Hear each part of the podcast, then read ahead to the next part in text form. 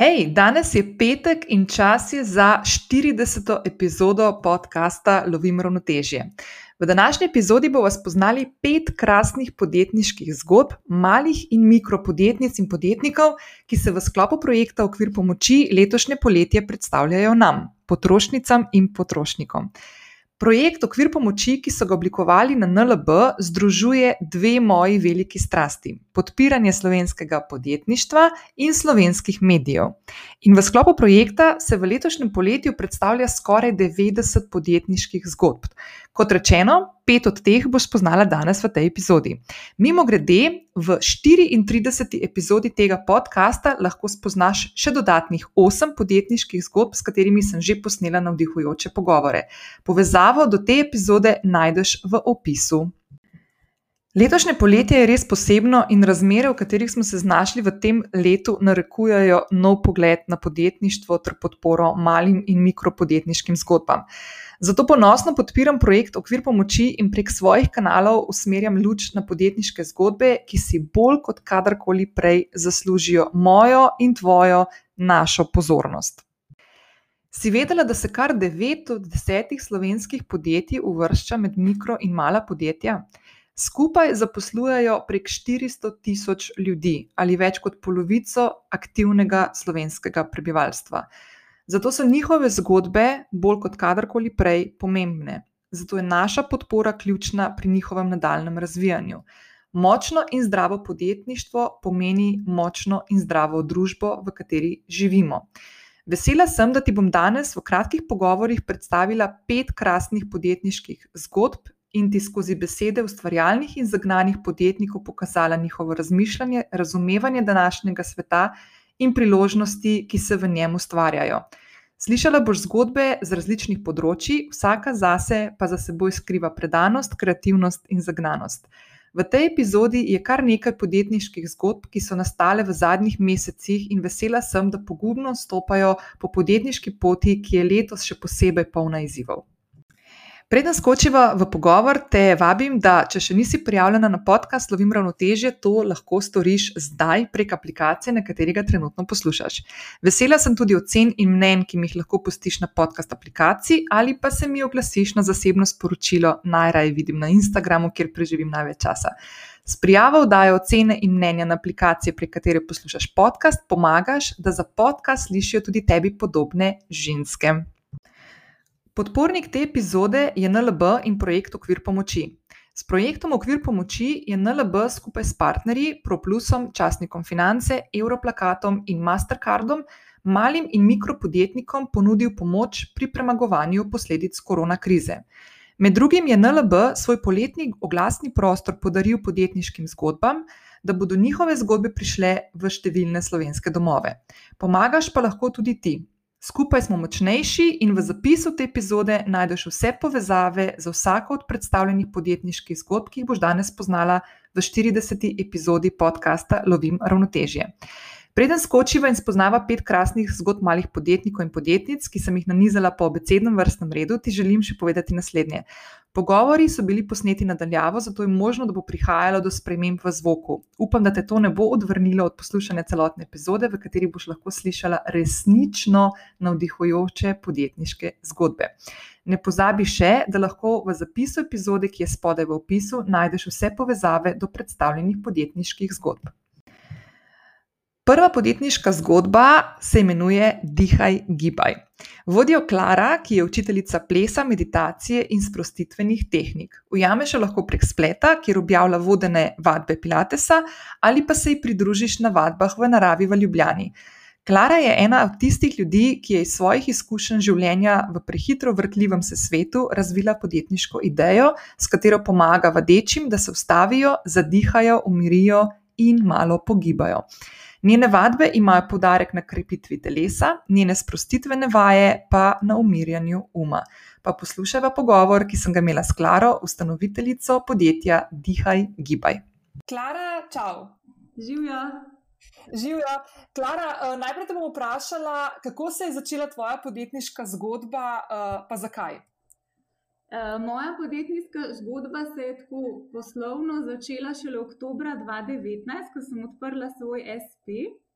pa ustanovila brand Dihaj Gibaj. Uh, drugače je pa res moja pot um, na področju športa začela že davnega leta 2004, uh, ko sem naredila prve izpite za poučevanje aerobike. Takrat je glih to prišlo na trg in smo veliko plesalk, nas je šlo pol na aerobiko.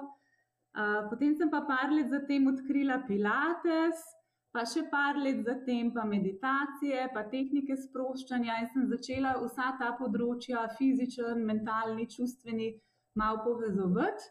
In sem tudi lani pol lansirala ta brand Dihaj Gibaj, pa tudi tako posebno vadbo Dihaj Gibaj, poleg Pilatesa, pa drugih um, vadb.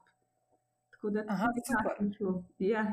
Super, se pravi, da si, bomo rekli tako, da si še dokaj mlada v vodah podjetništva, uh, se ti je pa v zadnjem obdobju en kup enih stvari zgodilo, ker tudi tisti, ki smo mogoče malo dalj časa v podjetništvu, se zdaj malo srečujemo z izzivi, jih, uh, uh, v kateri smo prvič skupinsko uh, ukorakali. Pa me zanima, uh, do kakšnih spoznanj si prišla v zadnjih mesecih? Zdaj ti v zadnjih mesecih, rečem, si ti že na začetku poslovne poti svoje, ampak ne glede na to, no, kakšne odločitve si mogoče.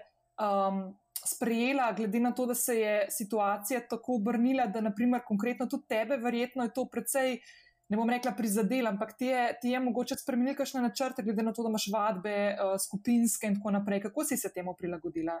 Ja, v bistvu na športu, pa skupinske vadbe, pa delo z ljudmi, sploh osebno, uživajo čez noč, v bistvu se je vse zaprlo. Um, uh, tako da jaz sem v bistvu takoj preselila uh, te svoje skupince na splet, kar sem pa delala za druge fitnese, društva, um, podjetja, tudi to se je pa v bistvu vse zaključilo, tako da je bil kar šok, uh, ker sem v bistvu stala brez dve, dveh tretjin dohodka. Ne? Um, tako da največje spoznanje v času tega mi je bilo ravno to, da so te moje osebne, lastne stranke vredne zlata. Um, in sem tudi zdaj za naslednjo sezono, glih zaradi tega, začela spreminjati svoje, uh, svojo strategijo. Manj bom sodelovala z drugimi, delala za druge, bolj bom delala na svojih lastnih skupinah. Tako da to je bilo eno veliko spoznanje. Um, pa malo sem se prilagodila, kako so se zadeve spreminjale. Ko je bilo vse zaprto, je bilo na spletu. Ko so bile dovoljene vadbe v naravi, smo šli kar ven, ko so bile majhne skupine do pet ljudi, sem bila jaz pa še štiri največ, tako da smo zelo, zelo sem se prilagodila temu. In iz tega so nastali še taki bolj pestri programi. Tako da ene so ostale na spletu, ene so v naravi, kadar je dež, gremo zdaj malo noter. Vadbe imam različne, od pilatesa do aerobnih vadb, večinoma zdaj čez poletje, kar vse v naravi, če se le da. Um, in kje te pa lahko najdejo, ker meni je to, kar slišim naravo, ker tudi jaz sama jogo učim v centru mesta v Ljubljani in vem, da je to neki, ne vem, ena taka najlepša izkušnja možna, ki jo lahko doživiš. Kje te lahko najdejo ljudje zdaj med poletjem, še te zadnje dneve poletja? Ja, um, Pilates imamo kar klele na roški pred to šolo, ki je tako lušno igrišče. Uh, pa okrog so drevesa, tako da pilates imamo tle, aerobno vadbo gremo kar gor na grad. Um, meditacije pa delavnice sem pa julija, zdaj le so malo na dopustih, imela tudi na rožniku, tako da gremo ali pa tudi na golovcu. Uh, tako da smo malo v vznožju gozda skozi locirani in je zelo fajn, zračno. Super, da veš. Um, ok, zdaj pa Saša zanima. Zakaj si se odločila, si, kje si opazila za projekt, kje si izvedela za projekt okvir pomoči od NLB-ja, pa zakaj si se odločila prijaviti, pa če si mogoče pripravila kakšno tako posebnost, um, ki jo komuniciraš v sklopu tega, um, tega projekta, ali si se bolj želela predstaviti na splošno? Uh, opazila sem na Gambotih, ko sem se jim z avtom vozila. Potem je pa en večer in je bil glih zadnji dan, tu mi je bilo zadnji rok za oddajo ob 11. zvečer. Me pa prišinil, pa da je pogled, kaj to pomeni, ne lokalni podjetniki, mogoče pa kaj zate. Sem šla brskati na internet in mi je bilo zelo, tako, zelo srčno, zelo lepo, no, da hoče kdo v takih časih pomagati. Meni to zelo prav pride, ker si ne bi mogla zdaj tega prvošati.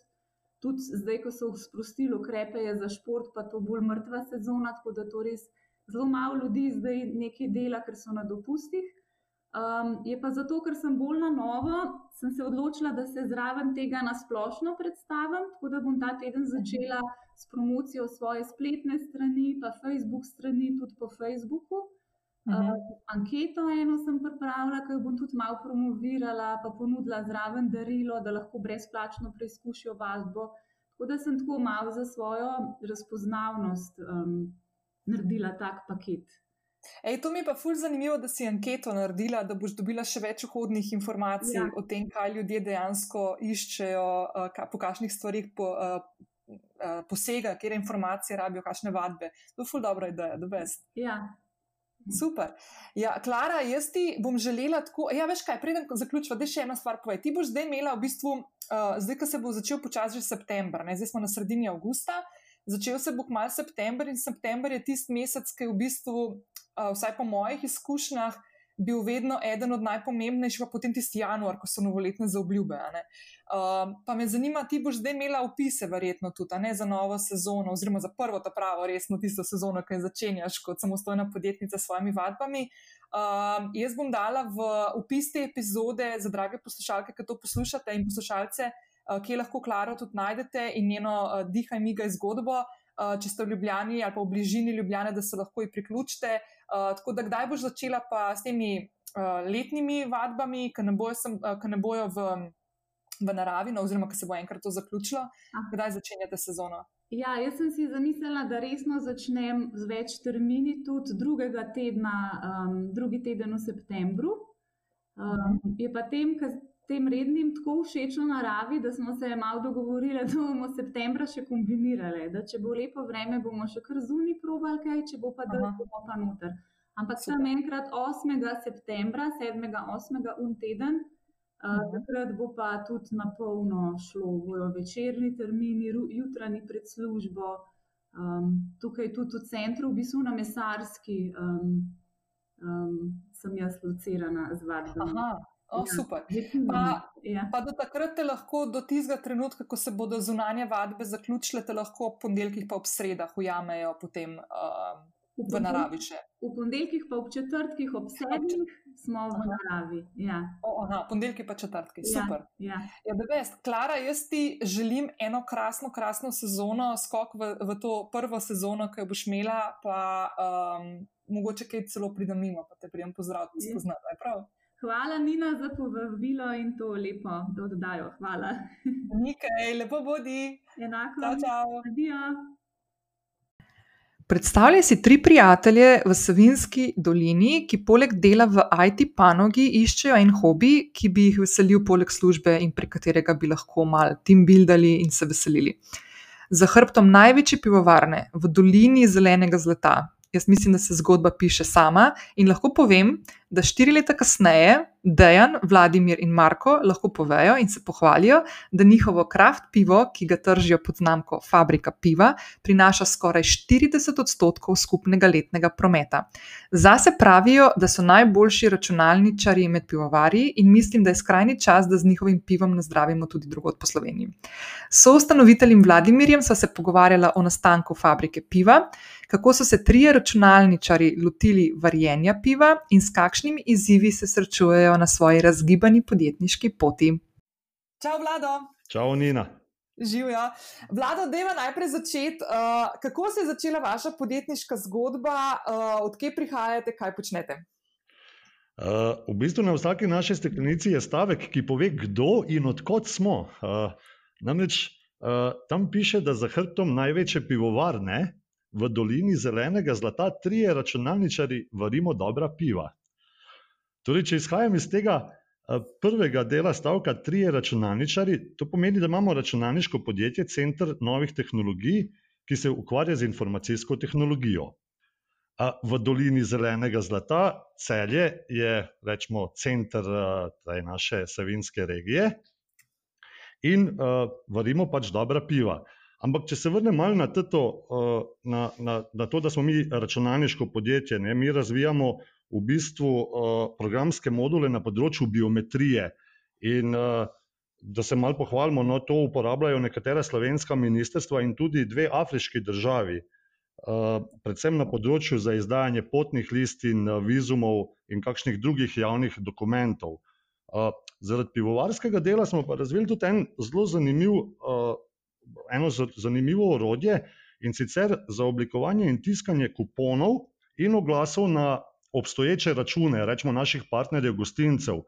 Namreč izkoristili smo, da smo IT firma in smo ponu poskusili ponuditi uh, poleg piva še neki našim partnerjem, torej gostincem, uh, da lahko oglašujejo sebe, kakšne druge vem, produkte, akcije in tako naprej. In zdaj ta del se je izkazal zelo zanimiv, uh, tako da se mi malo pošalimo in rečemo, da se kupci uh, njihovih računov rač, uh, veselijo. Ne? Kar uh, ponovadi, ko vidimo račun, nismo jih najbolj uh, veseli. Uh, zdaj pa, ne, zakaj se mi dva pogovarjamo, torej varimo dobra piva. Uh, lej, mi smo razvojno podjetje, pomeni, da imamo včasih zelo veliko dela na projektih, tudi po noč. Pridejo pa tedni, ko pa nimamo dela. Ne? In že takrat ko se nam je to skozi dogajalo, smo razmišljali, kako bi, eh, rečemo, nadomestili ta, ta mrtvi čas. In uh, jasno, da smo mi, IT-ovci, to razmišljali vedno ob pivu. Zdaj pa, uh, moja dva kolega, Dejan Mov in Marko Dorn, sta pa velika poznavalca in ljubitelja piva, in takrat sta bila tudi domača pivovarja. Namreč ona dva sta pivo varila že doma, kar v kuhinjskih posodah. Ne? In pa se je ideja kar sama porodila, kaj pa če bi mi poskusili pa to znotraj podjetja, nekaj malo bolj resnega. Ne? In tako je nastala fabrika piva. To je, to je, uh, leta 2016 smo kupili tako profesionalno opremo, sicer zelo majhno, uh, ki jo uporabljajo tudi večje pivovarne za izdelovanje receptov. Veš, uh, uh, uh, uh, veš to so vem, na tisoče litrov uh, pivo in ti si ne moreš prvošiti delati eno šaržo uh, na takšni količini, pa pa ugotoviš, da je v bistvu pivo slabo. Ne? Mhm. Tako da, tak da smo mi uh, to vrteli, vrteli, vrteli, in uh, nekako relativno hitro nam je ratal narediti eno zelo zanimivo pivo, zvrsti PLL, uh, eh, ki so ga kolegi poskusili in rekli so, da je super. Ne? Ampak uh, pot od, od tega, ne, narediti dobro pivo, pa da se prodaja v gostilni, je pa dolga. In mhm. zdaj, če zdaj malo preskočim teh par let, je trenutna situacija takšna, da fabrika piva, mi smo nomadska pivovarna. Uh, to pomeni, da uh, nam druga pivovarna vari pivo za trg. Namreč, tako sem omenil, mi delamo recepte, uh, mhm. imamo pa uh, eno srečo, tukaj v naši bližini, v Ari Vasi, je uh, Savinska pivovarna, Clef Brewery, s katerimi smo se povezali že od njihovega začetka. In oni imajo tako zelo profesionalno pivovarno in uh, pač oni nam varijo po našem originalnem receptu ta naša piva. Uh, zdaj, mi smo z njimi sklenili tako zelo korekten poslovni odnos, ampak uh, ti moram povedati, da je prerastel celo v neko prijateljstvo, tako da smo zelo veseli, da z njimi sodelujemo. Uh, Vlado, da mi, ja. Vlado, sorry, te prekinem. Da mi samo ja. nekaj povej. Koliko je pa zdaj, uh, glede na to, da vidim, da imate en kup enih stvari, s katerimi se ukvarjate, in je pivo ena od uh, od, od teh stebrov, rečemo, ja. podjetniških. Kako pa, naprimer, tako v sklopu vsega, kar počnete, vi trije, zaseda pivo zdaj v teh štirih letih, v kaj je to preraslo? Zdaj je to zdaj neka taka postranska ja, dejavnost, ja. pa de, ali dejansko neka resna taka zgodba Poglej, se razvija? Uh, še vedno je to hobi, še vedno je to hobi, čeprav uh, zdaj po naših informacijah v celju, rečemo, ali pa v celskem bazenu, ne, uh, v mhm. teh uh, gostilnah, kjer se. Uh, pijejo bolj domača piva, ne kraft piva, eh, dobivamo informacije, da sta naša piva nekje na vrhu. Ne. Eh, mi mhm. trenutno prodajamo eh, dva tipa, rečemo, en je PLL, to je Social First pivo, pa mhm. drugo je Stout, temno pivo, ki je pa Ideal First. Ne. Zdaj, mhm. mogoče sam še to, pa ti bom odgovoril na vprašanje, ne zakaj takšna imena. A, a veš, razmišljali smo, jasno, in o firmi, oziroma blagovni znamki. In takrat smo se veliko pogovarjali, ne, da je treba imeti eno tako vem, zanimivo ime. In definitivno smo se vsi strinjali, pa tudi ti se bo z mano, da je pivo najbolj družabna pijača. definitivno. Ne. Mhm. In ker je bilo to, rečemo, prvo pivo ali pa naša prva linija. Je, je kar samo od sebe prišlo, da je to social first. Ne. Lahko ga razlagamo na, na več načinov, ampak definitivno je to uh, družabna pijača. Res pa je, da uh, so ga mnogi, rečemo, tule uh, poim, preimenovali, poimenovali tudi uh, socialist. Uh, kar je nam tudi ok, ne, seveda. Aha, Uh, to pomeni, uh, ostajamo na tej prvi liniji, to pomeni ideal first, uh, mogoče bomo šli v kakšne glasbene vode, pa bo neki first.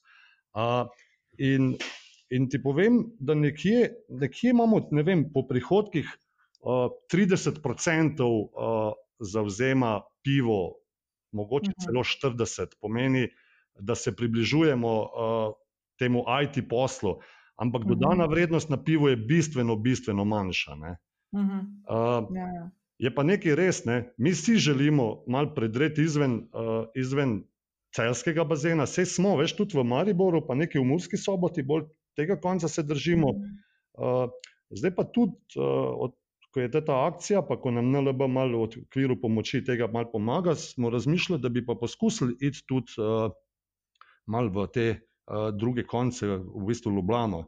To je tak Mhm. zalogaj, ampak zakaj ne? Razmišljam, uh, tule ga imajo radi, pijejo ga, všeč jim je, ni razloga, da se ne bi pil tudi v Ljubljani. Je, je pa to en velik korak, večja konkurenca. Mhm. Um, tako da bomo videli, kaj bo s tem. No, ampak daj, zdaj, ko si glih omenil že okvir pomoči, da mi sam povej, v, v sklopu tega projekta, uh, kaj ste pripravili? Ker jaz vem, da sem, to se pogovarjali prejšnji teden, ko so se pripravljali na tole Ja. ja. snemanje, sem ti omenila, da sem jaz billboard uh, za fabriko piva videla, ko sem se peljala v Velenje na en sestanek. Ja. Uh, in sem bila ful vesela, ker sem vedela, da se bo slišala in sem rekla, ti moram to takoj povedati, da sem ga tudi opazila z ceste.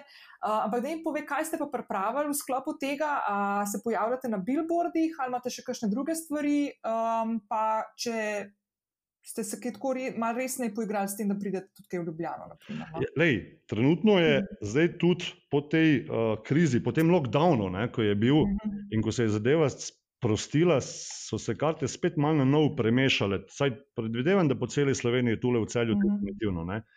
In mi smo želeli s to pomočjo pa pač NLB-ja uh, nekako utrditi tudi položaj, ki smo ga imeli uh, že prej v celju, mogoče celo malo nadgraditi. Ne. Mhm. In uh, zdaj, uh, mi prej nismo kaj veliko vlagali v to oglaševanje, tako da to je prvič in tudi uh, ne vemo, kakšen bo kaj uh, rezultat tega, ampak že, že dobivamo uh, informacije od naših uh, fanov, ne, da nas vidijo, da jim je všeč plakat. Uh, Se si videla, da tu so te, te trije dimniki od stare cinkarne, to vsak celjan Mhm. pozna. Ne? Mhm. Tako da tudi, uh, tudi uh, tisti, ki uh, ne poznajo našega podjetja ali pa s čim se ukvarjamo, zdaj definitivno vejo, ne, so povezali. Uh, Mhm. zdaj je naša ideja pa takšna, zdaj, ko, bomo, ko smo utrdili ta položaj, uh, bomo definitivno poskusili z neko podobno akcijo, ampak tu bomo mogli pa pol malo sami več vložiti, iti proti Ljubljani. Pomeni, uh, samo ponovil, ponovili bi radi to zgodbo, ki jo tu v celju počnemo. ne. Mhm. Um, Ko si že omenil NLB, je pa, je pa tak, ne, Lej, ko se spotakneš, ne, ti prijatelj pride, pa ti da roko, pa ti pomaga vstati. Ne. Nekako zdaj po tem lockdownu smo mi uh, začutili, da NLB uh, je ta prijatelj, ko, ko ti da roko, pa te mal dvigne, pa ti mal pomaga. Tako da mi smo to z veseljem izkoristili in jaz upam, da, je, da so tudi drugi zadovoljni s to akcijo, oziroma sam NLB. Uh, nimam pa teh informacij, kak, kak je potekal. No, to ti lahko jaz povem, ker sem zdaj le, mislim, da je govorila za podcast. Mislim, da si ti uh, 14. podjetnik, Ja. uh, pa še z ostalimi, za druge platforme, ki sem jih objavila. Moram reči, da so vsi zelo zadovoljni in uh, v bistvu so tako. Um, Nekako, tudi kot sem jaz slišala za to, uh, za to pobudo in ta projekt, uh, se mi zdi tako, da so ful dobro ujeli in situacijo, v kateri smo se podjetniki znašli, ne kar vsi skupaj, uh, in to, da se pač skozi to uh, kampanjo podpira tudi medije, se pravi, da tudi mediji dobijo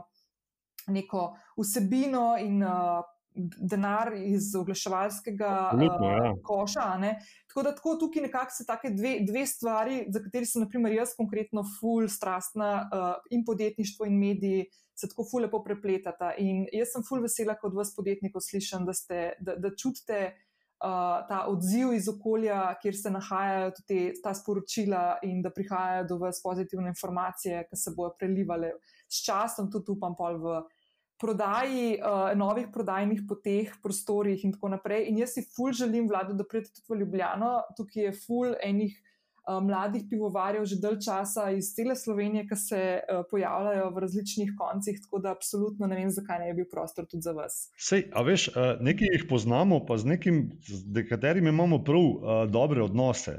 Veš, tu, tu ni zdaj ta konkurenca, se rečemo, saj še vedno se ceni in si na nek način pomaga. Tako da jaz se veselim tega poskusa v Ljubljani. Je pa še nekaj, da sem se spomnil, zdaj, ko sem te poslušal. Mi bomo rezultate te prave vedeli tam nekje v jesen, ko bo vse skupaj se to mal, uh, veš, ko bomo naredili malo analizo. In uh, definitivno je moja želja, ne vem, zdaj upam, da nekdo iz NLB to tudi posluša. Jaz bom bolj probo prijeti do njih, da jim predstavim pač naše rezultate. In uh, zakaj ne bi pol poskušali nadgraditi to zgodbo? Uh, pa da ne vem, oni spet pomagajo nam, neki, da probamo v Ljubljani nekaj narediti. Ne? Ne, ne na tak način, kot je zdaj, ampak mogoče vem, imamo tudi nekaj za ponuditi. Prej, kar sem ti omenil, veš, te, to je tako zelo inovativna platforma tudi za oglaševanje in komunikacijo, komunikacijo uh, preko teh gostincev. Rečemo, a veš, da bi gostinci dali njihovo. Uh, Vem, njihove te programe, pa račune, prostor na računih, kjer bi mi lahko nadaljevali to zgodbo ne, in bi spet uh, uh, vem, se zadeva vrtela. Ampak, gledaj, o tom potom, definitivno bom, bom jaz uh, pripravil še neke predloge. Upam, da se bomo tudi mi dva videla, no, glede na to, da si ti. Uh, Tudi noter, mogoče bo še kakšna ideja s tvoje strani. Tako da, da se lahko računi. računi z veseljem, ob, ob, ob kozarcu piva, hladnega zraka. Lepo se pa kar zmerno, tam september, oktober te bom jaz, te bom jaz poklikal, no, pa bomo najdel nek termin. Može? Evo, vidiš, ful dobr. Hvala, ej, Vlado, lej, jaz ti želim tebi in tvojim kolegom, uh, da tole razvijate naprej in da se ob prvi priliki dobimo ob enem kozarcu vina, uh, vina piva. piva, piva tudi piva, vino je ok. Ej, ampak uh, ne bomo s pivom začeli. Nina, naj, najlepša hvala tudi tebi, smo, smo na vezi. Hvala, Vlado, lepo bodi. Čau, čau. čau, čau. Fermentarnico sta ustanovili prijateljici Erika in Nina, prva mikrobiologinja, druga ekonomistka. Ustvarili sta prostor za edinstven preplet njunih znanj in se lotili skupne podjetniške poti, na kateri izobražujeta ljudi o fermentaciji in njenih dobrobitih, pri tem pa ustvarjata krasne izdelke. Zase pravita, da sta ravno prav nori, da si želita spremeniti svet na bolje. Svojim kupcem ponujata okusne in kakovostne rastlinske nadomestke mlečnim izdelkom, predvsem mlečnim namazom in sirom. Pa poslušajva pogovor z mojstrico fermentacije in polovičku dueta fermentarnica. Erika, izvoli. Čau, Erika. Živijo. Živijo. Uh, ok, Erika, deva začeti kar na začetku. Uh, kako se je začela vajna podjetniška zgodba fermentarnice? Ja, v bistvu mi dve z Nino smo že kar nekaj let prijateljice v bistvu, uh, in smo se odločili na enem podjetniškem, oziroma na enem pod, skupnem potovanju za skupno podjetniško pot. Na drugi strani je ona ekonomistka, jaz pa mikrobiologinja, ki že v bistvu uh, vrsto let uh, uh, kot hobi fermentiram. Potem sem se pa v bistvu odločila, da bi vse svoje ideje, fermentativne, um, uh, vključila v bistvu, oziroma jih uh, prenesla v bistvu neko poslovno idejo. Za željo, v bistvu, da bi to tradicionalno fermentiranje, ki ga poznamo že v Sloveniji, uh, prenesla v neke rastlinske izdelke in v bistvu nekim rastlinno jedim oziroma veganom ponudila neko bolj zdravo alternativo. Ej, ful dobro. Pa v bistvu fermentacija, kot si omenila, je v naših krajih uh, ena taka zelo, zelo uh, sprejeta stvar. Mogoče kakšen človek, ki tako zdaj posluša, se mu zdi, pa kaj hudiče je to, ampak dejansko imamo kislo zelje, kislo repo, pozim velikemo, to so vse fermentirani izdelki. Ne?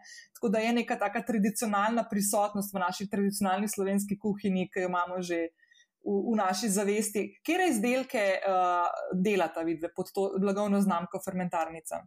Uh, ja, v bistvu res, kot si omenila, uh, ta izraz oziroma termin kar dobro poznamo zaradi vseh teh uh, jedi, ki si jih omenila. Uh, mi dve smo se pa odločili, v bistvu, da bomo ponudili uh, trgu uh, izdelke, kot so v bistvu fermentirani namazi iz indijskih oreščkov.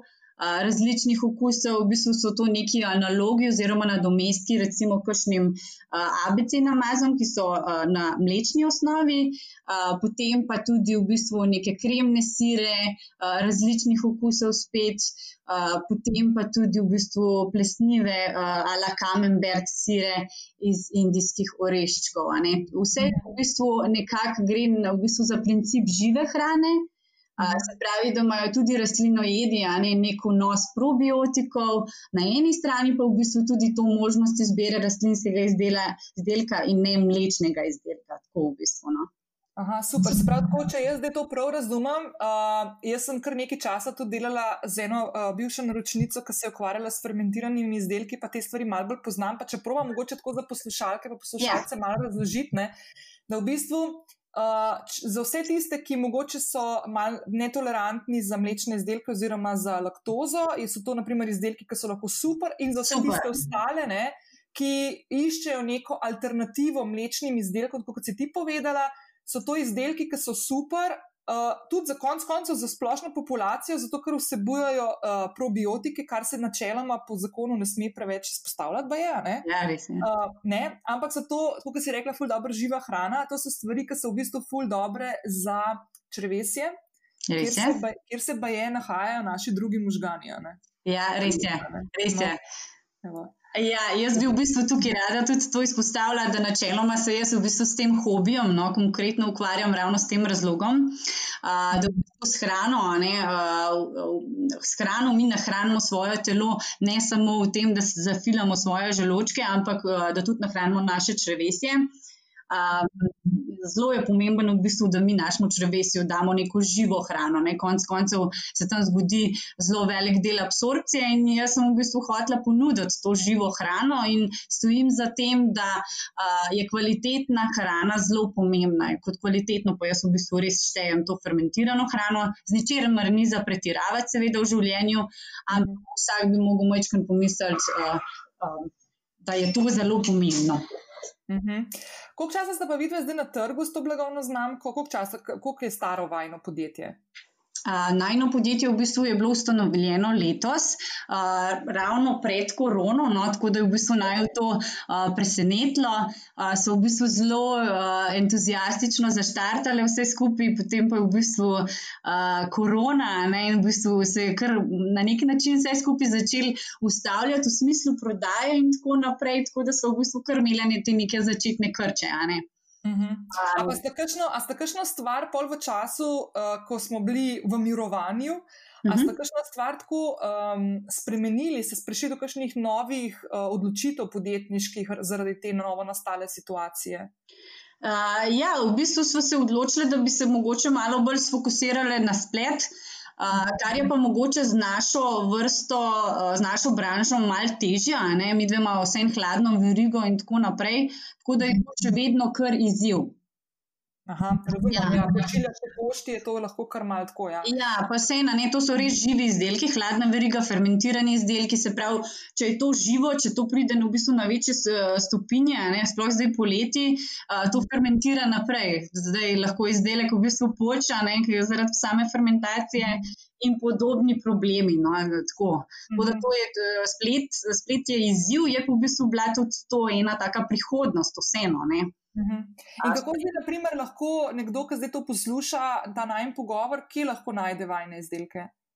Ja, v bistvu najne izdelke lahko trenutno se najde v teh bio-eko trgovinicah, eh, ala zrno do zrna v Ljubljani, v centru, Refusal, uh mhm. -huh. potem sadni vrt v Mingešu, eh, Zlata ptička, Mama Tera, Radovlici, eh, trgovina Suzana, uh -huh. potem tudi trgovina Krajček v Kranju. Um, v bistvu pa delamo še na vseh ostalih no, teh manjših trgovinah, malo tudi trgovina Zajček v Kopru. Uh, v bistvu imamo tudi eno gospo, ki, s katero smo sklenili sodelovanje in izdelke tudi po naročilu dostavlja, ne, da se izognemo nekim poštam, ki trajajo en dan, en dan in pol, in da bi se to izpostavili potem temperaturam. Tako da v bistvu um, delamo v smeri, da čim. Da lahko v bistvu na različne načine naše produkte spravimo do kupcev. No? Mhm.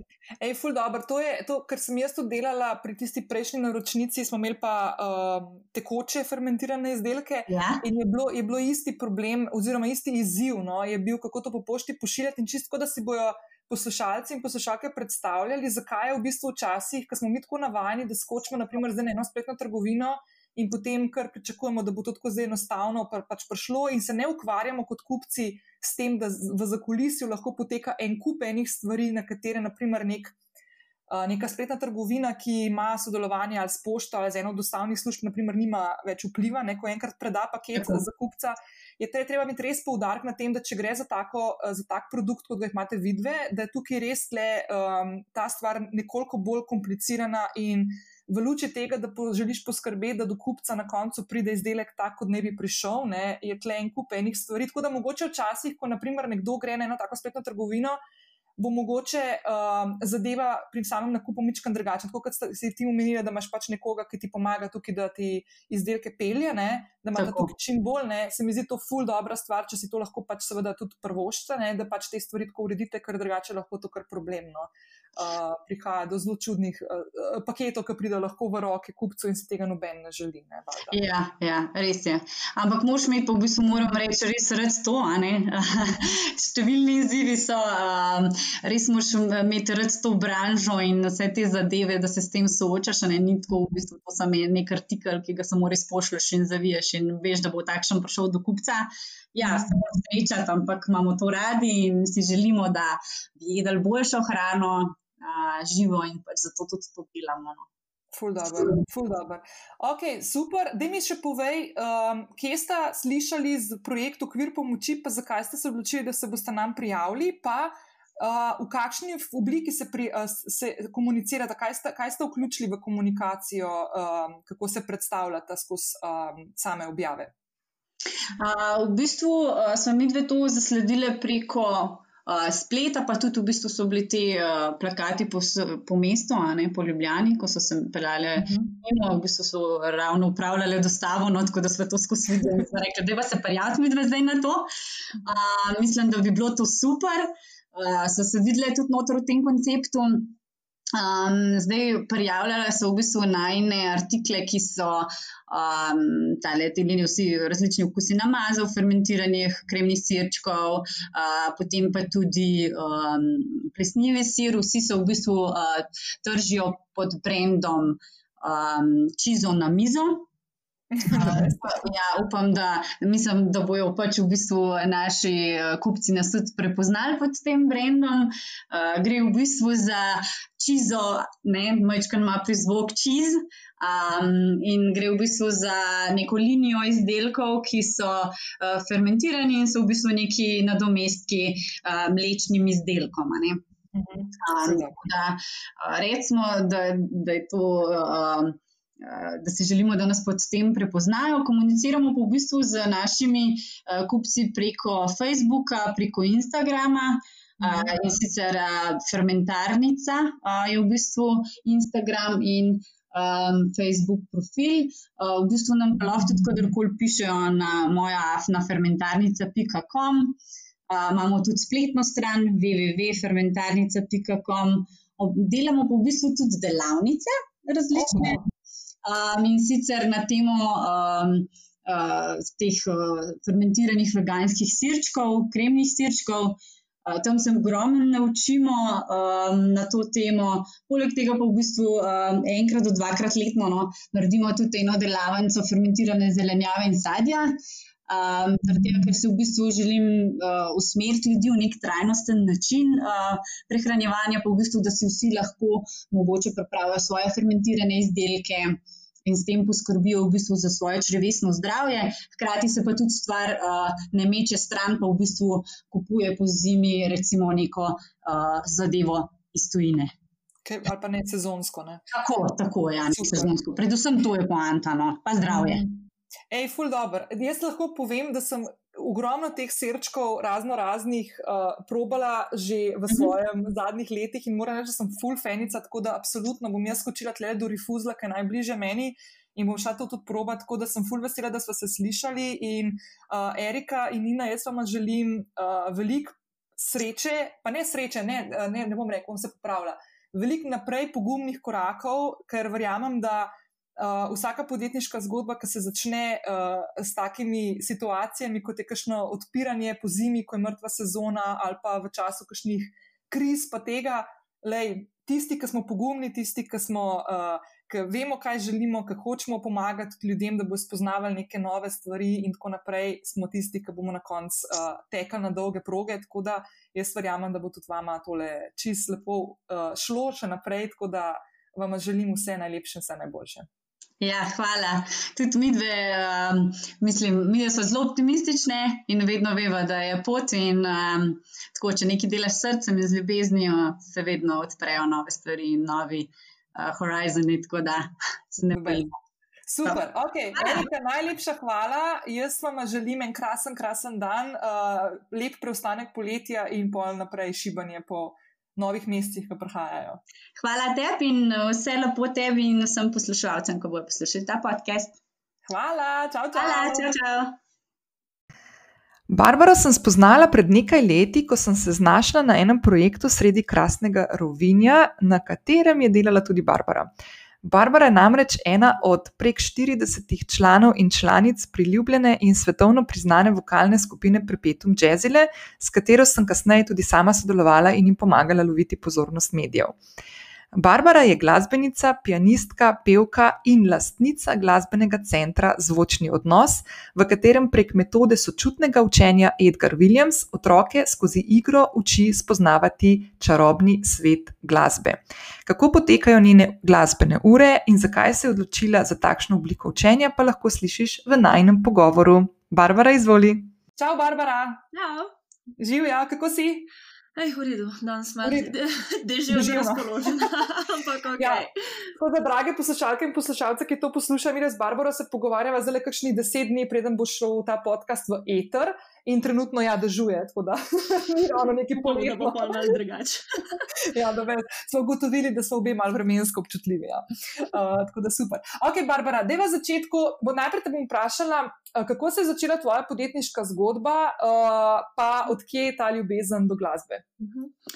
uh, um, kje se je začela? Pff, jaz, jaz bi mogla reči, da kar. Um, Potem, ko sem izbrala študij, ki mi v bistvu ni bil najbolj um, namenjen. Um, jaz sem v bistvu tako odraščala v glasbeni družini celo življenje in ne vem, sem bila na konzervatoriju v Mariboru, 14 let igrala klavir in tako, ampak je v bistvu se zgodilo tekom mojega izobraževanja, da sem naletela na ene pedagoge, ki niso dobro vplivali na mene. Um, in sem razvila kar ene določene travme, do, do, do mere, da sem potem vse skupaj pustila.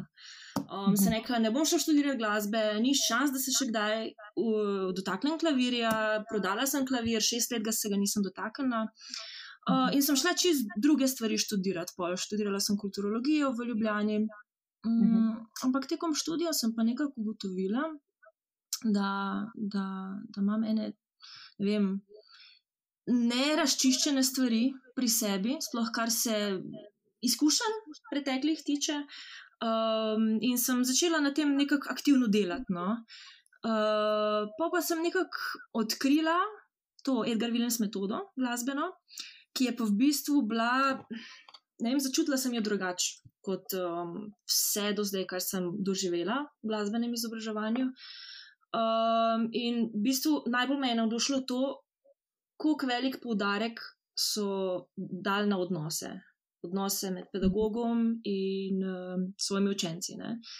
Um, in to je nekaj, kar tudi jaz v bistvu zdaj prakticiram in je zelo, zelo pomemben del moje dejavnosti. Da, um, tekom jaz mojega učenja imam neko samo refleksijo. No? Da se v bistvu kot pedagoginja vse čas sprašujem, kaj jaz doživljam v učencih.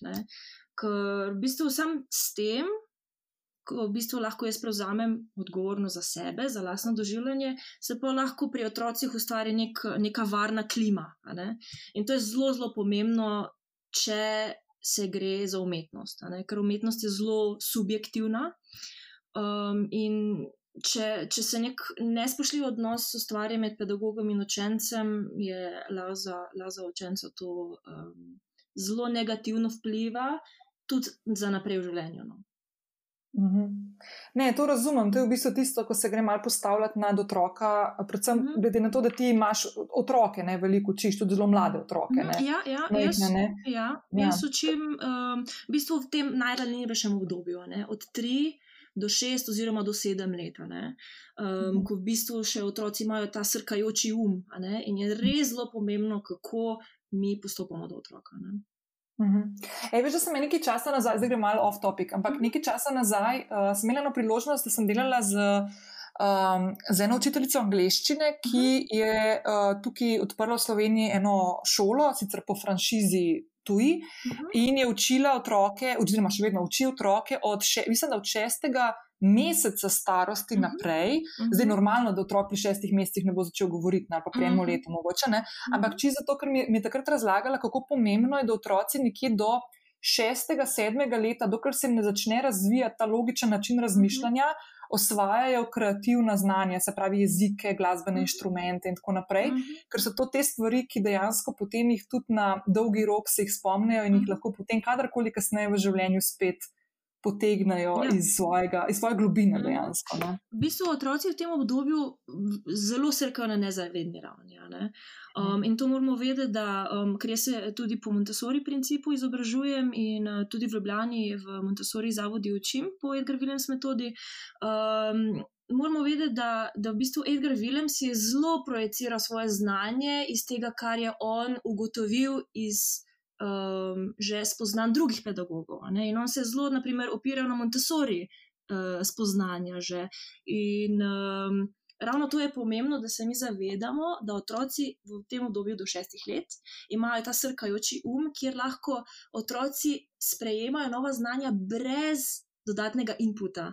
Oni ne rabijo biti aktivni in obenem že srkajo. ne. Mhm. Um, zaradi tega je zelo pomembno, naprimer, um, s kakšnimi materiali uh, seznanimo otroka, na kakšen način se mi obnašamo do otroka v tem obdobju, ker je to nekaj, kar ga lahko zaznamuje za celo življenje. Ne?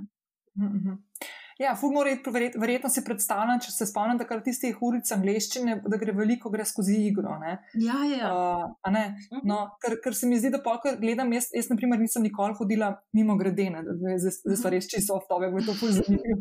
Jaz imam detka pokojnega, ki je bil skladatelj Mhm. in uh, je napisal glasbo za prvo slovensko popevko Mandolino. Okay. Ne? In jaz prihajam tudi iz te, del, del moje družine je glasbeno bil nadarjen, tako zelo Mhm, nadarjen. ne. Ampak jaz, na primer, meni so rekli, ko sem šla, ko so me starši pelali, mislim, da v prvem razredu osnovne šole na glasbeno šolo, so mi tam na glasbeni šoli rekli, da nimam posluha. Mhm. In pač nikoli ni šlo nič iz tega naprej, in tudi nisem imela nikoli nobene želje. Je Pa moja sestra Mhm. hodila na ure klavirja, mislim, da celo, celo osnovno šolo. In je tudi sem videla pri njej, kako jo je minevalo ne, in kako je bilo v Mhm. bistvu to, to učenje, je bilo tako Mhm. zelo. Ne vem, tako enosmerno in tako more biti, in ne sme Mhm. biti drugače, in vse po teh pravilih. In je ogromno otrok upustilo Ja. uh, neke stvari. Ja. ne. Ravno to je problem. Jaz sem imela, naprimer, zelo podobno zgodbo. Ne? Jaz sem izhajala iz glasbene družine in jaz sem že od majhnega ful kazala navdušenje nad klavirjem in petjem in vse skupaj, ampak potem pa se je v nižji glasbeni zgodilo to, da nisem znala not brati. In jaz sem igrala Aha. štiri leta klavir že, preden so ugotovili učitelji, da jaz sploh ne znam brati not. Jaz sem Mhm. se v bistvu naučila vse na pamet, doma ponavljala, dokler nisem osvojila točno tako, kot je učitelj zaigral mi na urici. Mhm. In pol je bila drama, ne? in pol sem jaz mogla nižjo glasbeno ponavljati, ampak ravno zaradi tega vidika, ker jaz dejansko te razlage, ki mi je bila ponujena, nisem razumela. Ne? Mhm. In moramo iti v to zavedanje, da vsak otrok je drugačen. Ne bo Mhm. en pristop odgovarjal vsem otrokom. Ja, pa tudi ko eni smo res. Jaz sem zdaj le sem hodila nekaj časa, uh, ene par mesecev na eno izobraževanje uh, z, za odrasle, ne? Mhm. pa sem imela isto. Jaz sem tako rekla, ker sem gledala tisto izobraževanje, mi je bilo ful fascinantno, kako se jaz v bistvu odzivam na določene stvari, ki so jih drugi vsi štekali. Ampak jaz, na primer, ko vidim na neki ne. prezentaciji ful en graf, pa ne vem, neke infografike, take, Ja. ali pa te Jaz, jaz rabim ful več časa, da poštekam, kaj mi hoče s tem povedati, ker sem bolj, bolj vsebinc na tej pisani besedi, ja. ne toliko na tej vizualni. Uh -huh, ja, in točno to je. Eni, eni otroci so bolj auditivni tip, eni so bolj vizualni tip, um, eni rabijo veliko čutil vključeni, da veliko manipulirajo z inštrumenti, da se jih dotikajo, da, eh, da, da res imajo to manualno delo. Ampak eh, ravno to sem hotela reči, da Edgar Williams je to ugotovil, da, če, da um, ima vsak otrok potencial, da glasbeno raste. Zakaj? Ker je vsakem otroku so že biološko prirojeni glasbeni elementi. Naprimer, ritma, vsak ima srčni utrip, uh, vsak hoji v, hodi v nekem ritmu, v neki hitrosti, in to, to so elementi, ki so že dani vsakemu človeku. Ja. Ampak je potem pa problem, oziroma izziv, kako otroka impregnirati do te mere, da, da, da bo začel. Ustvarja, da bo postal kreativen. In on je, na primer, vedno bil um, mnenja, da glasba se mora tretirati kot samostojen jezik. Zdaj, če dam primer, ne? mi kot otroka hočemo naučiti svoj, svojega maternega jezika, tega, ki vsi govorimo. Ne? Kaj začnemo v prvi fazi delati, je to, da mu začnemo brati knjige. Da ga impregniramo z različnimi zvoki, z naglasi, eh, z ritmi govora. Uh, In to delamo tudi na glasbenih uricah po. Ne? Prva stopnja je vedno glasbena impregnacija, torej da, jim, da jih seznanimo z različnimi zvoki, inštrumenti, da lahko oni manipulirajo z njimi, um, da jih predstavimo tudi um, različne ritme, različne um, telesne gibe. Uh, in to se dela prvo leto na prvi stopnji za triletnike. Potem druga faza. Je izrazita reprodukcija. Ne? Ko se otrok začne učiti maternega jezika, začne kaj? Ponavljati besede, ne začne čeblat, veblat, vse te stvari. In to podpiramo in spodbujamo tudi pri Willemsu, da čim več ponavlja enih tonov, enih intervalov, brez da bi to mi kakorkoli poimenovali. Ne? To je mhm. vse zelo svobodno. In na tretji fazi pa se, eh, pa se v bistvu ravnamo isto kot takrat, ko otrok začne govoriti in začne tvoriti besede in stavke, tudi na Vilemsu potem začnemo veliko delati na improvizaciji. Ne? Da mhm. sam um, sestavlja melodije, da sam sestavlja ritme z inštrumenti in da to podpiramo, ker samo na tak način bo lahko otrok postal kreativen, če sam začne um, eksperimentirati z zvoki in z inštrumenti. Mhm. Ej, ful, zanimivo. Da mi povej, ti si, ti si na to podjetniško pot um, učenja glasbe otrok, uh, si šla pred kratkim, ne?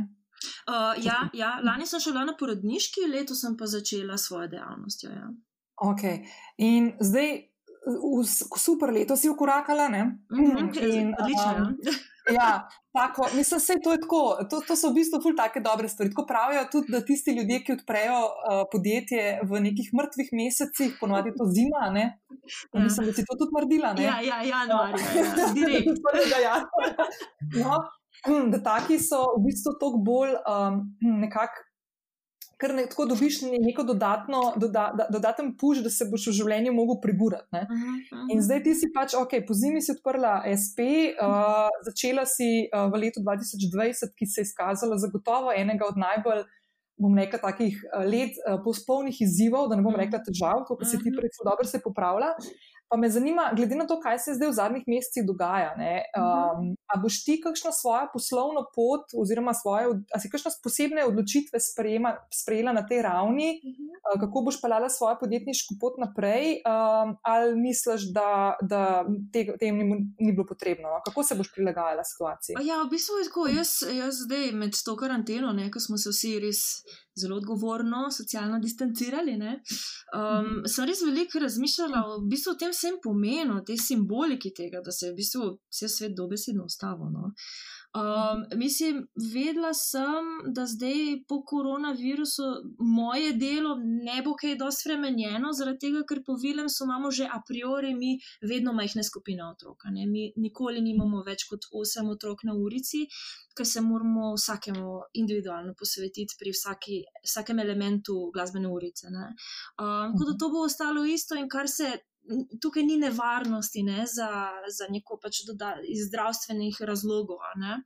Um, je pa v bistvu, bo pa kar en velik izziv zdaj v prihajajočih mesecih, ali pa celo letih, ne vem. V bistvu ta mal kolektivni strah, no, ki je Mhm. zdaj. eh, Pri, mislim, pri vsakemu izmed nas čisto upravičeno, ne? čisto nas upravičeno Mhm. skrbi tudi, kam bomo svoje otroke dali, ne v varstvo, na Mhm. kakšne dejavnosti in te stvari. Um, ampak, um, ne vem, nekako je treba, treba verjeti, da bomo šli čez to, uh, da se Mhm. bo tudi stanje izboljšalo, da, da ne bo vedno tako, kot je zdaj. Um, in v bistvu, kar, kar lahko mi kot kolektivno, kot družba zdaj delamo intenzivno, je na pač odnosu. Da, da, da, da se pogovarjamo čim več o Mhm. skrbeh, o, o, o željah, o dvomih. Mm, in uh, tukaj sem zelo razmišljala med karanteno, ja, da v bistvu mi odrasli se znamo pogovarjati, ne otroci pa zelo težko. Še mi odrasli včasih težko izrazimo to, kaj čutimo, kaj doživljamo, kaj šele otroci. ne.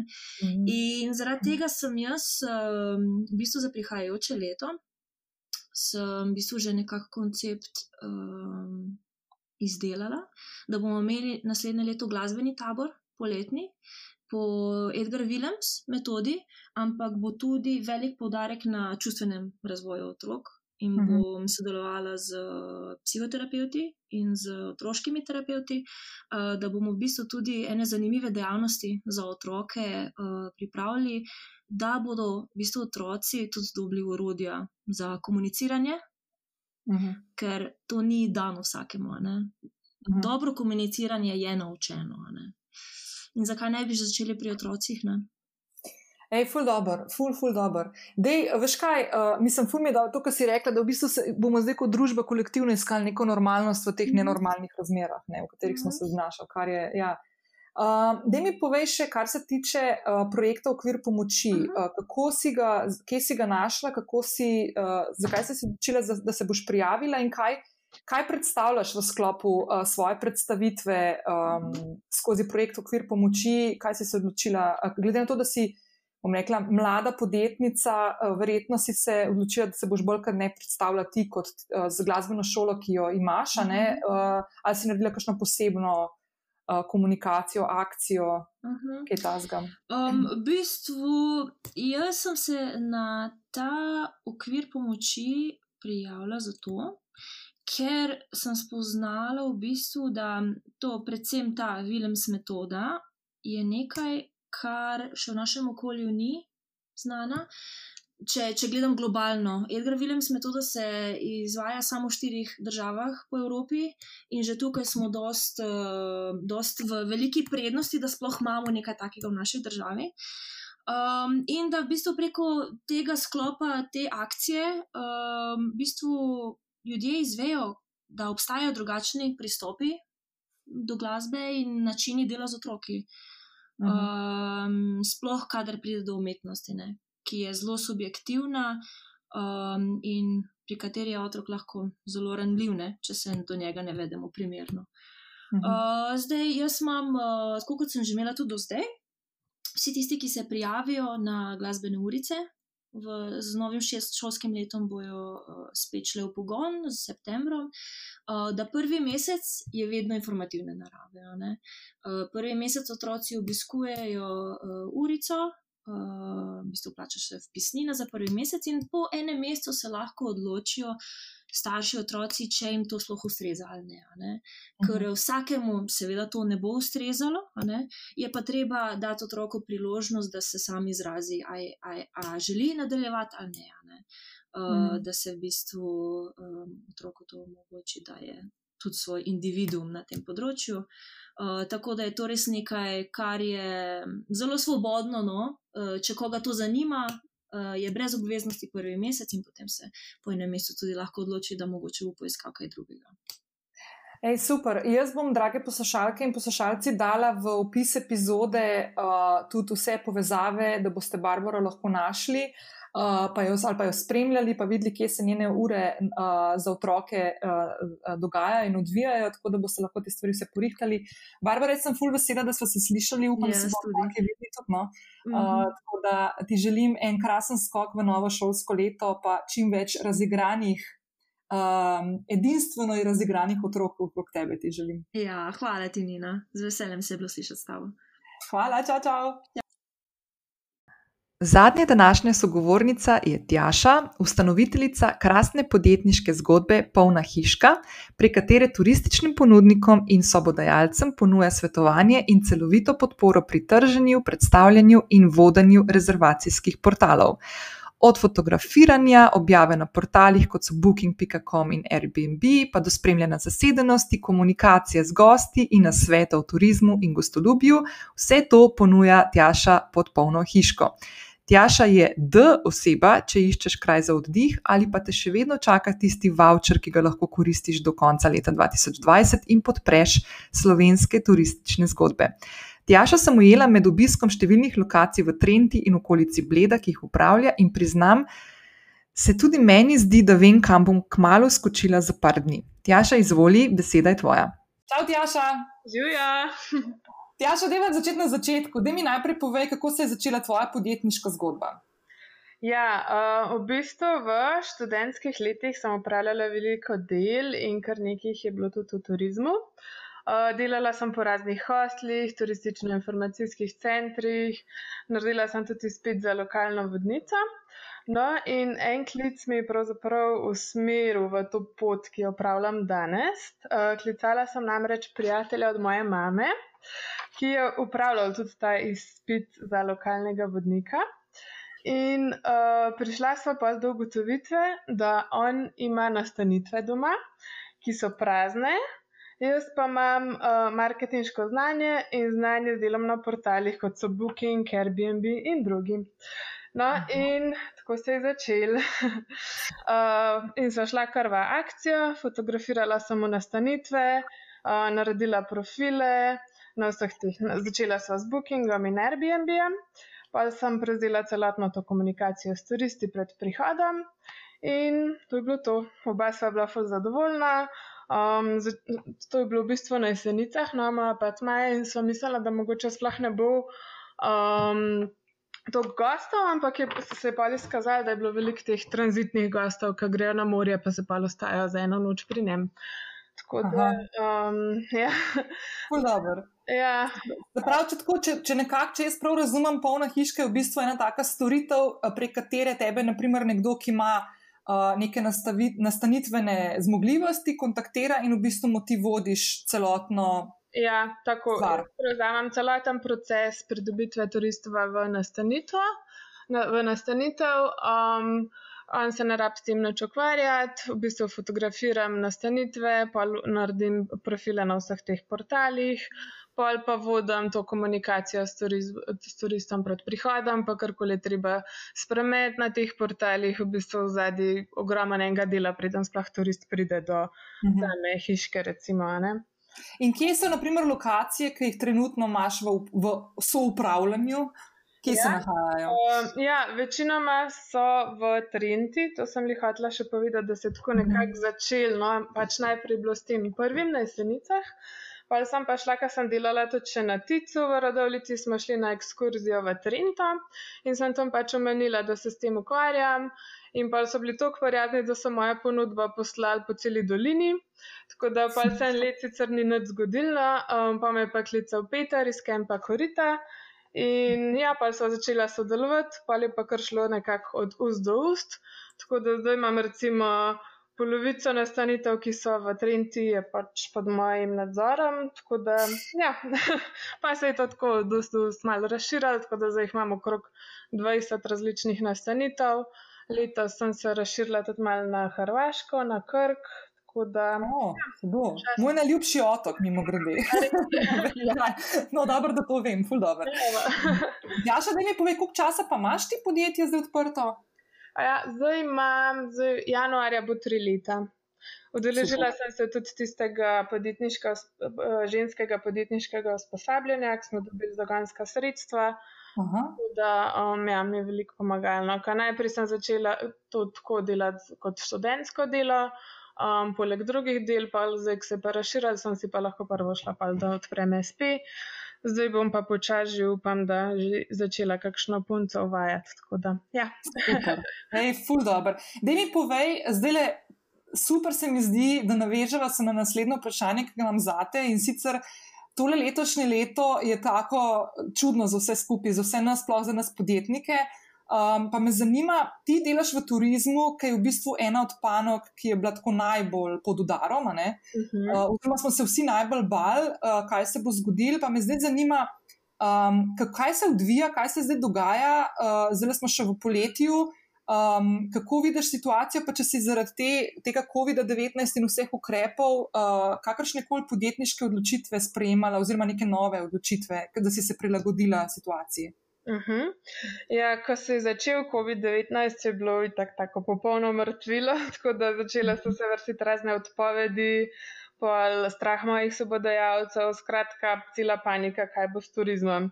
In že nekaj let prej nas je sicer govorili, prelepo je, da bi bilo res, to imamo turistov, zihar se bo nekaj zgodilo, no in ne, pa se je. Tako da ja, pa je bilo potrebno ukrepati, treba je bilo najti nove poti oglaševanja. In ko sem začela tudi govoriti zelo malo o teh turističnih bonih, sem začela iskati poti, kako priti do slovenskih gostov.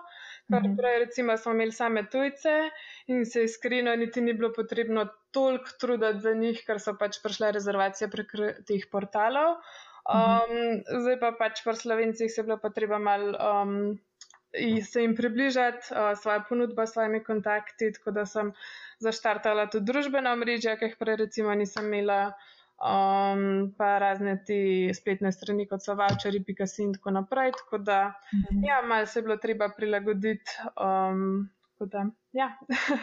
Super. Pa se v bistvu to verjetno ti tudi ena tako dobra popotnica za prihajajoče mesece, ker se mi zdi, da bo ta lokalni oziroma slovenski turizem um, na fulbol slonil na slovenskih gostih, ja, kot je mogoče v preteklosti. Ja, ja. To je ful dobro. Mislim, moram reči, no, da so boni nam zelo, zelo pomagali. Za julij, avgusta smo še vsem kar zasedeni, ker takrat, ko se je začel COVID, nismo sploh upali na kaj tajnega misliti, tako da zdaj je kar, kar polno zasedeno. No, sploh v Trenti, kjer ima večina mojih nastanitev ker um, Trenta je še vse malo bolj tako v naravi. In najprej so sicer šle te hiške, ki jih imam, ki so čistko sredi gozda, ki je bolj ločeno, ampak so šle tudi apartmajske hiše, tako da je zelo zaželjena lokacija med Slovenci. No, no se tako da jaz povem poslušalkam in poslušalcem, da je na, uh, na zapisu, ki te že čaka na uh, moji spletni strani so tudi vse povezave do uh, tjašine polne hiške, tako da lahko pogledaš in te vouchere, če še nobeni izkoristil, naprimer jaz ga konkretno nisem in zdaj, ko poslušam o teh hiškah sred gozda, si me kar mal namamla. V bistvu imamo še do konca leta lahko ti vouchere koristimo in lahko skočiš tja, pogledaš in tudi kakšno stvar rezerviraš tudi izven poletne sezone. Ne? Tako da uh, so tudi stvari, ki še stojijo in obratujejo. Tako ja, da, okay. Tako, ja, glih, mislim, priporočam jesen, sploh v Trenti, kaj uh -huh. dokumentaristov je res čarobno. No, mm, Dober, zelo dober. Okay, zdaj pa povej, uh, kje si opazila uh, projekt Okvir pomoči, pa zakaj si se odločila, da se boš nam prijavila, pa uh, kako si, kakšno komunikacijo si ubrala, oziroma kaj si se odločila, da boš izpostavila, ko se predstavljaš prek tega projekta. Uh -huh. uh, v bistvu delam v coworkingu Good Vibes Only v Radovlici in tam so me kolegice opozorile na to, da so zasledile, tako da smo se v bistvu vse parjavile um, in tako se mi zdela odlična neka točka, ki me še bolj um, oglašuje, ker pač so ponujali mhm. TV oglase, spletne oglase. Um, billboarde, vse sorte. Tako da so me pa zbrali za TV oglase in za spletne oglase. In um, kaj zdaj, na TV oglasih, hitro je bilo narediti en animiran video, um, ker se mi zdi, da bi najbolj predstavil to moja storitev. Um, zelo malo je bilo to časa za oddajo, tako da mi pa uh, moram pohvaliti na Miha Dolmin iz videoprodukcije Pelikula. Mm -hmm. Je pa naredil čez vikend um, pač animiran oglas in um, ja, sem zelo zadovoljna z njim, tako da se predvaja po TV-ju trenutno. Po, um, Na Pop TV-ju, ne? Ja, tako je. Ja. Pop TV kanala pa brijo, super. Ja. Ej, uh, Tjaša, jaz sem, či, mislim, full dobro, se mi zdi full huda ideja, pa um, tako uh, nekako v, v tej luči letošnjega leta se mi zdi, da take pogumne podjetniške zgodbe, ki tudi znajo prepoznati priložnosti, tudi v takih razmerah, kot, letoš, kot so letošnje, pa ki bojo verjetno še trajale, se mi zdi to ena taka ful dobra popotnica za uspešne zgodbe, ki bo živela še dolg časa med nami. Tako da sem ful ja. vesela, da smo se spoznali. Uh, tako da, če ne bi bilo tega okvira pomoči, tudi mi, verjetno ne bi govorili. Ja, res je. Tako da, ja, tako da sem ful vesela, da si si vzela čas, ful sem vesela, da si se tako obrnila, pa ful mi je ful, ful dobro, da ti tako le šiba. Sem ful vesela. Bom še enkrat rekla, da sem pol vesela. Ne, bom še jaz rekla, da sem vesela. Jaz sem vesela, ker te spremljam že dolg časa, tako da sem zelo vesela, da sem se pojavila no, na tvojem podkastu. Ej, z največjim veseljem. Pa če boš daj kakšno stvar, rabla se kar jav, tam le kakšno Instagram zasebno sporočilo, pa kaj vedno me lahko pocukaš za rokave. Prav? Prav, super, hvala. Jaša, najlepša hvala, lepo bodi, pa fino speli skok v jesen. Hvala ti, enako. Čau, čau. Pa smo prišli do konca 40. epizode podcasta Lovim ravnotežje. Hvala, hvala v, imenu, v mojem imenu in imenu vseh mojih sogovornic in sogovornikov danes, da si ostala do konca in poslušala te krasne zgodbe, in konec koncev jih tudi tako podprla uh, svojo pozornostjo in časom. Tako da res, res hvala. Uh, jaz sem blazno vesela, da sem v letošnjem poletju uh, del projekta Okvir pomoči, v sklopu katerega tudi jaz svoje kanale odpiram za male in mikropodjetniške zgodbe in tako doprinesem en delček uh, tega, um, te podpore, o kateri skozi in nenehno govorim in opozarjam, da jo. Mali podjetniki, mikropodjetniki in krasne podjetniške zgodbe, ki se v naši okolici odvijajo, potrebujejo. Vsako leto, vedno, še posebej pa v tem času, v letošnjem letu, ko je celotno gospodarstvo svetovno in tudi seveda slovensko pod še dodatnimi izzivi preživetja in novega ustvarjanja tako nekih podjetniških zgodb, idej in konec koncev tudi novih delovnih mest, ki se bodo razvijala gotovo tudi v prihodnje. Hvala še enkrat, da si ostala do konca. Jaz ti želim en krasen, krasen dan in lep, lep avgustovski vikend. Se slišimo prihodnji teden. Čau, čau!